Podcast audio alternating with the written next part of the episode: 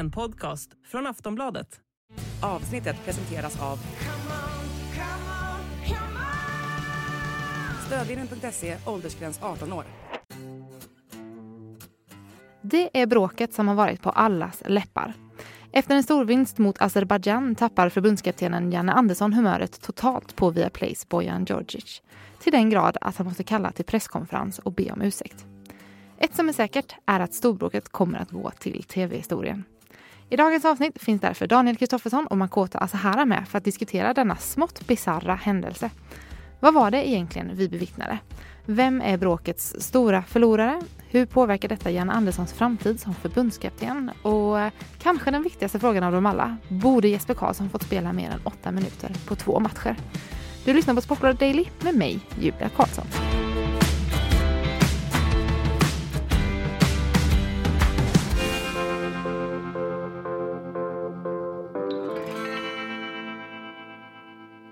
Ja, det är det enda som det snackas om idag nästan. Jan Andersson eh, fick en eh, riktig, ja, får man säga, härdsmälta igår på live-tv. Det var ju tv-historia vi fick bevittna. Daniel, börjar du då? Vad hände? Vad känner du? Nej, men jag, man blev lite chockad såklart. Det är nog det sjukaste man har sett, i alla fall när det gäller fotbolls-tv eh, någon gång. Att det kan bli så hetsigt mellan eh, eh, på, i en studio. Framförallt är det väl anmärkningsvärt hur Jan Andersson helt tappar det där.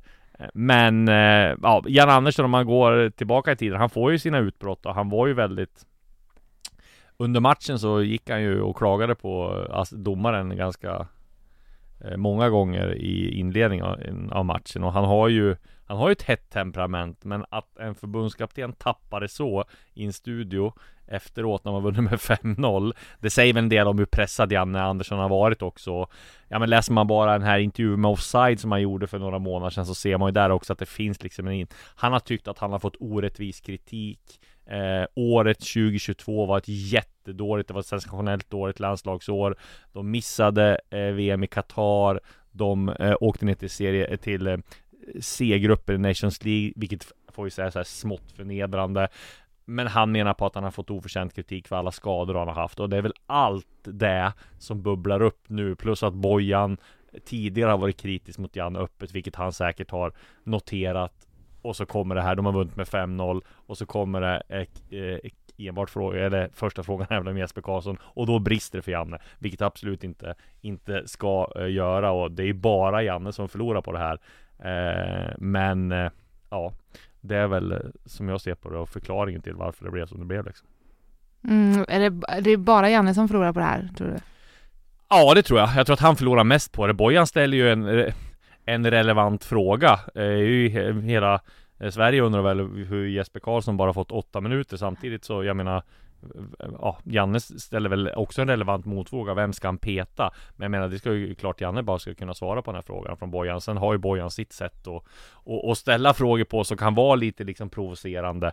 Men eh, det är klart, det är en helt relevant fråga och eh, nej, det är bara Janne Andersson som förlorar på det här tror jag. Bojan tror jag inte alls förlorar någonting på det och nej, det är Janne som, som liksom Framförallt av de reaktioner man har sett så tror jag det, det är bara han som är förloraren på det. Mm. Ja, alltså jag vet inte hur man ska börja. Det är ju det, när man, när man, ja, men när man såg det här, eh, ja det som utspelade sig, eh, det finns ju en anledning till att, eh, alltså människor tycker att dokusåpor är roligt och det är för att man vill, man, man liksom fascineras av den här typen av händelser och den här typen av konflikter på något sätt. Sen grunden om man, om man ska säga så, man ska ju akta sig såklart för att eh, liksom analysera folk vad de tänker inombords och vad som orsakar vad. Men jag håller lite med dig där Disco att just det är ju frustration som har bubblat på något sätt. Och här, man får 5-0 seger mot Azerbajdzjan. Det är inte bara att du, du vinner, du vinner med massa mål. Du har spelare som kommer in och gör Gyökeres gör mål, Jesper Karlsson gör mål och så vidare. Jag tror Janne Andersson gick in och kanske förväntade sig något helt annat. Sen såklart att det inte är okej att tappa det på det sättet som man gör. Det är ju han den första som vet om själv. Mm. Så är det ju såklart i det här läget det är så här, när jag kommer hit till den här studion så har du stått här och tjatat innan om allting. Ja, det har jag. Och så Alltid kommer jag hit. Ja. Och jag frågar en ärlig fråga. gånger för jag orkar inte stå och prata du med behöver Det inte, är så jävla dåligt. Personligt. Ni är fyra man som konfronterar mig Vem? med frågor efter normal fråga. med 5-0. Men du börjar defensivt att du ah, har vunnit fem av de sista sex matcherna. Som förbundskapten måste du. Du har representerat 10 miljoner människor. Och du har pappa någon som är yngre än dig. Vad representerar du? Sverige såklart. Varför ska jag ju inte göra det? Åh, fan. Vad? Vad är det för grej då? Varför, Vi- vad ska du säga någonting annat? bra. Vi, Varför? Vem ska vi- Du representera har varit tränare, du, du har ju varit tränare och varit högsta Ja, nivå. du har ju massa- spelat fotboll på högsta nivå, eller hur? Ja, det har du ju. Vi, Det har vi du tar en liten definitivt. Nej, det är så dåligt. Det är så dåligt. det- jag tycker är oerhört tråkigt med det här är ju lite av det efterspelet som har kommit angående om det förekom någon form av liksom rasistisk underton i det här. Så det, det är ju liksom det längsta ifrån Janne Andersson man kan tänka sig. Det finns inte liksom tillstymmelse till något sånt. Man kan förstå varför Bojan Djordjic i det här läget, när det är så mycket känslor, så hett som det blir i den diskussionen, tolkar det så. Mm. Och att det bara blir otroligt olyckligt hela den situationen. Och att den, den diskussionen är väldigt sorglig att det har blivit av det för att eh, jag är den första att skriva under på att det finns inte en tillstymmelse till sånt och Janne Andersson har aldrig noterat en tillstymmelse. Nej men grejen är att vara representerad du, han menar, är du en expert? Alltså Ja. så tolkar jag det direkt. Är du en expert som ska ha åsikter om matchen? Eller är du en journalist som ska stå och ställa frågor till mig? Han tror ju att Bojan är expertkommentator och att typ det är Gide som är liksom den som ska ställa frågan, är programledare. Det är så han menar. Alltså tror jag, alltså jag tolkar inte på något annat sätt. Nej, nej men Eh. precis så. Så att eh, det är väl det, och det är ju det som blir den stora missuppfattningen. Eh, och då går ju Bojan igång. När han tror att det har liksom några sådana eh, grejer på det. Men eh, jag, eh, jag, tror, jag tolkar i alla fall som det är. Och det tror jag Janne också är. Att det är liksom rollen expert kontra journalist och sådär som han. Sen tror jag att definitivt Janne Andersson som var inne på tidigare. Ett, Eh, har hakat upp sig och är förbannad över den kritik han har fått, även fast han inte vågar erkänna det sen tidigare. Två, han är irriterad på Bojan för att Bojan har gått igång och kritiserat honom eh, hårt tidigare och gör det nu, för han säger ju i den här livesändningen också att ni står här och eh, du har stått och snackat i en och en halv timme liksom. Så att Jag, det- jag tycker synd om Sebastian Larsson som står mitt i alltihopa, som varit en uh, trotjänare i landslaget och spelat under Janne och allting, som blir Ja. inblandad i det här och står som ett Och frågetecken de står bara så här, han och Ljungberg. Ja det, det, det var, och jag såklart man lider men Niklas Gide som eh, kämpade hårt, jag tyckte faktiskt han Han gjorde det, han har ju fått mycket att, ja men han måste ju kunna få, nej jag tyckte han skötte det väldigt, så bra han kan i det där läget, det är helt omöjligt Att, att förhindra något sånt där, så att jag, jag tyckte Nej, som sagt, den här detaljen om just den här diskussionen om vad så, det tycker jag är otroligt olyckligt och jag förstår varför Alltså Janne Andersson, ja, blir trött på att höra sådana frågor som är helt ogrundade tycker jag Men samtidigt som man förstår Bojan Georgis reaktion i alltihopa också. Men i övrigt såklart att det för oss utomstående att, att det är ju ett, det är ett tv-bråk vi minns, så är det. Grejen är, det jag menar på att Janne Andersson kommer förlora på det här Det är att Janne Andersson kommer inte ha så många år kvar som förbundskapten. Så det här kommer ju leva kvar eh, och bli hans eftermäle. Inte enbart, men det är ju det kommer det, när man kommer att tänka på Janne Andersson om ett år Då kommer man, om inte han, om inte Sverige har gått till något eh, vet inte, EM och, och gått långt Så tror jag att det här man kommer liksom, ah, okej det var bråket i studion det där episka. Istället för att minnas kvartsfinalen som han tog oss till så tog Sverige till i Ryssland. Så jag tror att det är där han förlorar på det Plus att han förlorar liksom i anseende hos supporten också med tanke på att liksom, du får inte tappa det sådär. Okej du kan göra som eh, Conte som får ett spel på presskonferensen men Eller du kan vara som eh, Åge Hareide gjorde en gång i tiden när han också liksom antingen är med oss eller emot oss. Det är ju vad ska man säga, det är ju liksom lite eh, små utbrott och man kan få känslor men det här är ju en total meltdown från Jannes sida liksom. det, det här blir något annat, alltså Janne Andersson har ju alltid varit en tränare med en ganska, alltså kort stubin och som vet själv Ja, ja. om att han kan bli väldigt arg. Man minns ju bråket med Nanne Bergstrand, Ja, när han Eh, går och smäller i grinden smäller i grinden på, Ja. ja, det som numera kallas Platinum Cars Arena men som eh, var parken. Ja, parken eh, Så att såklart att det finns, och det är jag väl medveten om, ilskan mot eh, domaren i VM och allt möjligt. Men det här blir ju på något sätt något annat överlag, kan man väl säga. Alltså jag kan ändå, jag kan ändå fråga mig dock, har inte liksom Niklas Jihde och kompani lite ansvar för att kunna gå in tidigare och Jo bryta? men ni- Jihde kanske skulle ha styrt över, alltså så- här, eh, alltså så för oss som jobbar på en kvällstidning så är det Ja. jättebra De kanske också tycker det här är bra TV, att det blev uppmärksamhet kring deras sändning och sådär Men jag menar om man ska bara se att man vill ha ett bra samtal som inte ballar ur Då hade ju programledaren om det hade varit en mer, eh, jag tycker också Niklas Ide, alltså grym programledare, noll liksom skugga över honom. Men hade det varit kanske en mer rutinerad programledare så hade han kanske styrt samt, styrt bort det här direkt. Genom att stä- nu få eh, Fredrik Ljungberg komma in och ställa en fråga, Sebastian Larsson har du någon fråga? Eller kunna liksom styrt det på något, på något sätt så. Men det, med det sagt så, det är ju, ja det blev ju tacksamma rubriker hos oss och det, det är ju, alltså det är ju något, var ju något unikt som hände och Viaplay kanske tyck, tyckte det blev bra. Man vill veta vad som sades i hörlurarna hos Niklas Jihde från kontrollrummet ja. under den här situationen.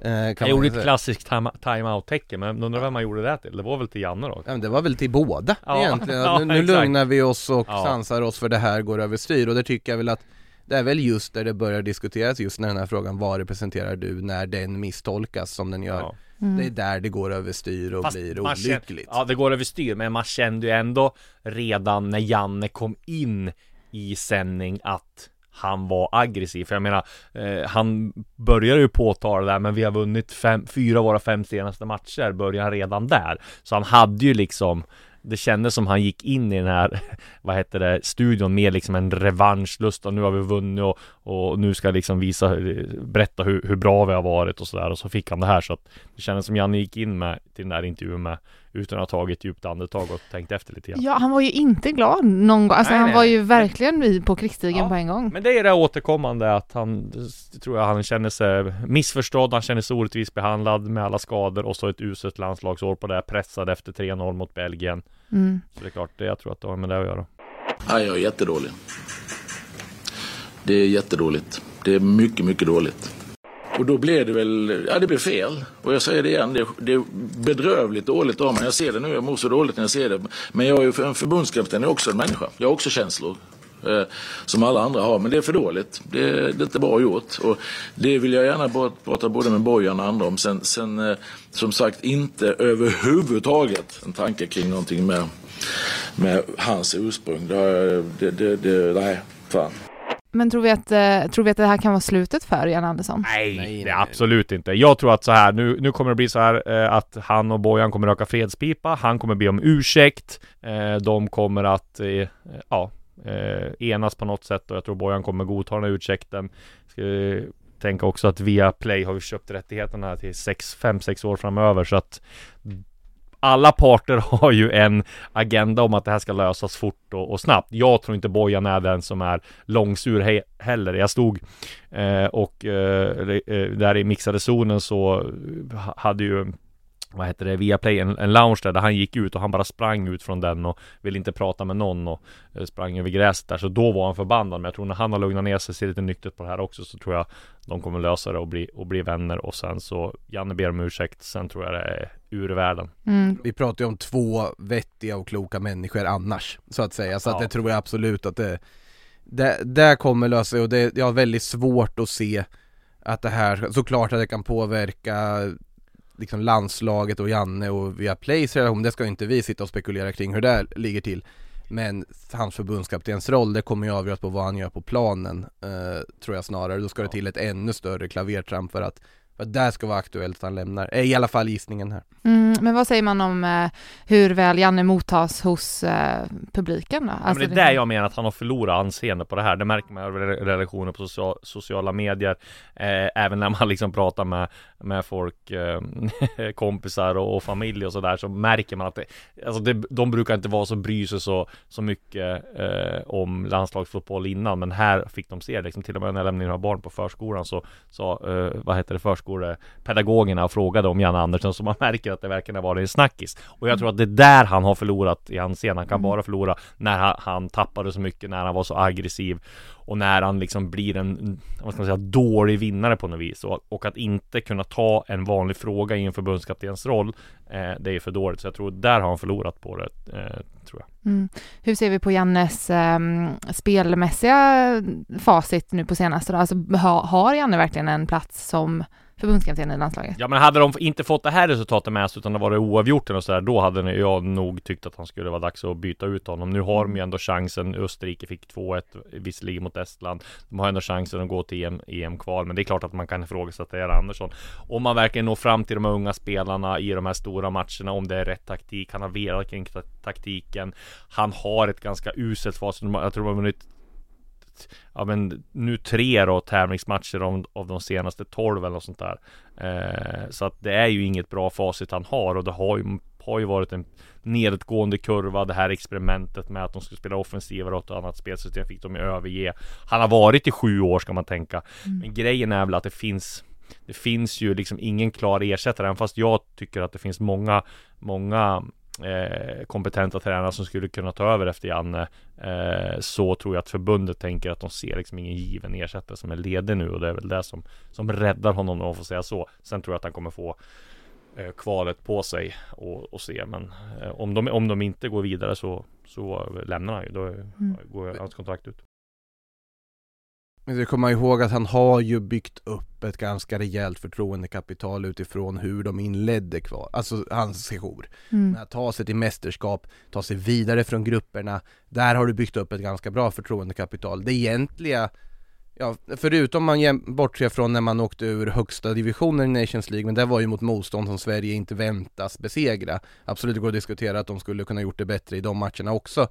Men det är ju egentligen förra året och där tycker jag att det ändå ligger någonting att det var helt alltså gale, galna skadebekymmer som det här landslaget hade. Och man fick mixtra och trixa och eh, man led verkligen med landslagsledningen för att försöka ta ut en landslagstrupp med tanke på alla skador, återbud och allting som var där.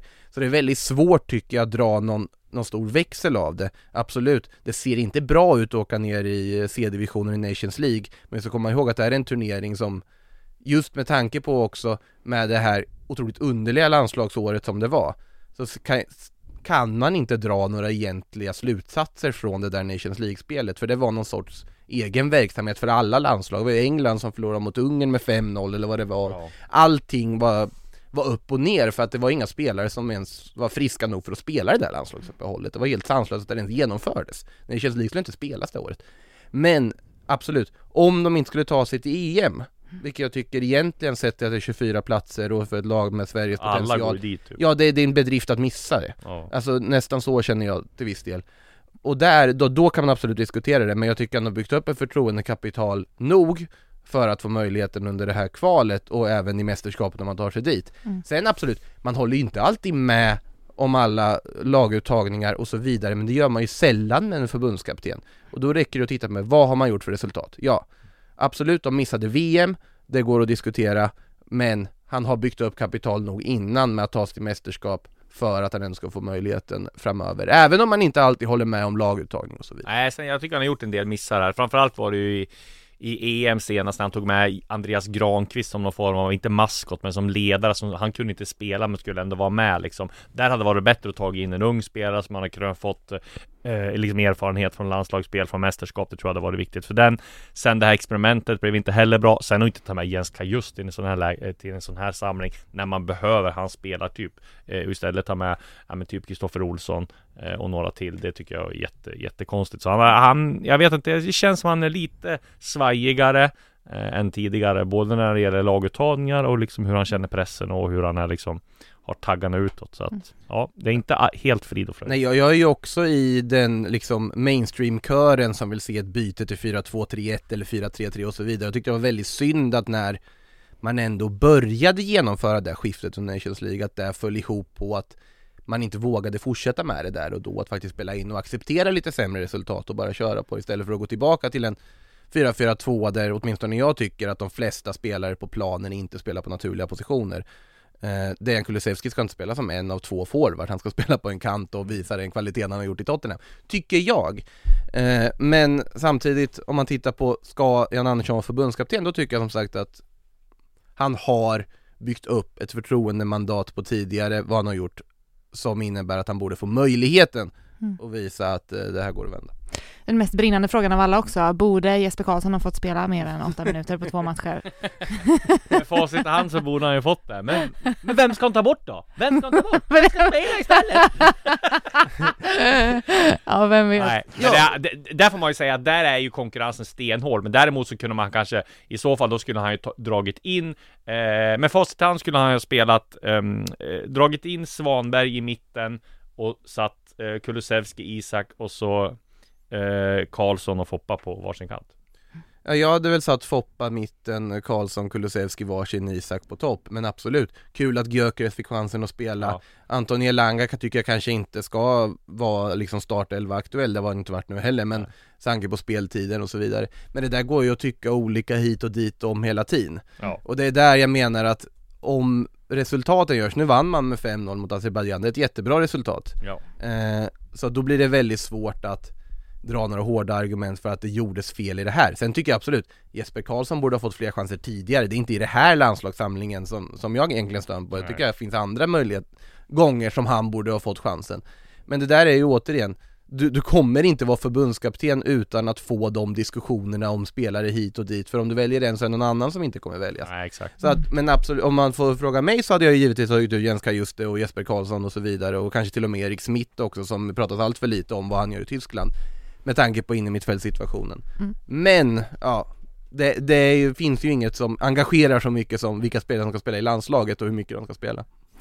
Och med det så säger vi, stänger vi ner dagens Daily. Eh, tack Daniel Kristoffersson, tack Makota Asahara. På återhörande. Du har lyssnat på en podcast från Aftonbladet. Ansvarig utgivare är Lena K Samuelsson.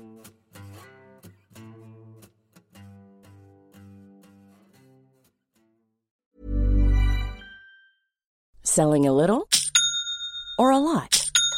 Shopify helps you do your thing however you cha-ching. Shopify is the global commerce platform that helps you sell at every stage of your business. From the launch your online shop stage to the first real life store stage, all the way to the did we just hit a million orders stage. Shopify is there to help you grow. Shopify helps you turn browsers into buyers with the internet's best converting checkout. 36% better on average compared to other leading commerce platforms because businesses that grow grow with Shopify. Get a $1 per month trial period at shopify.com/work. shopify.com/work.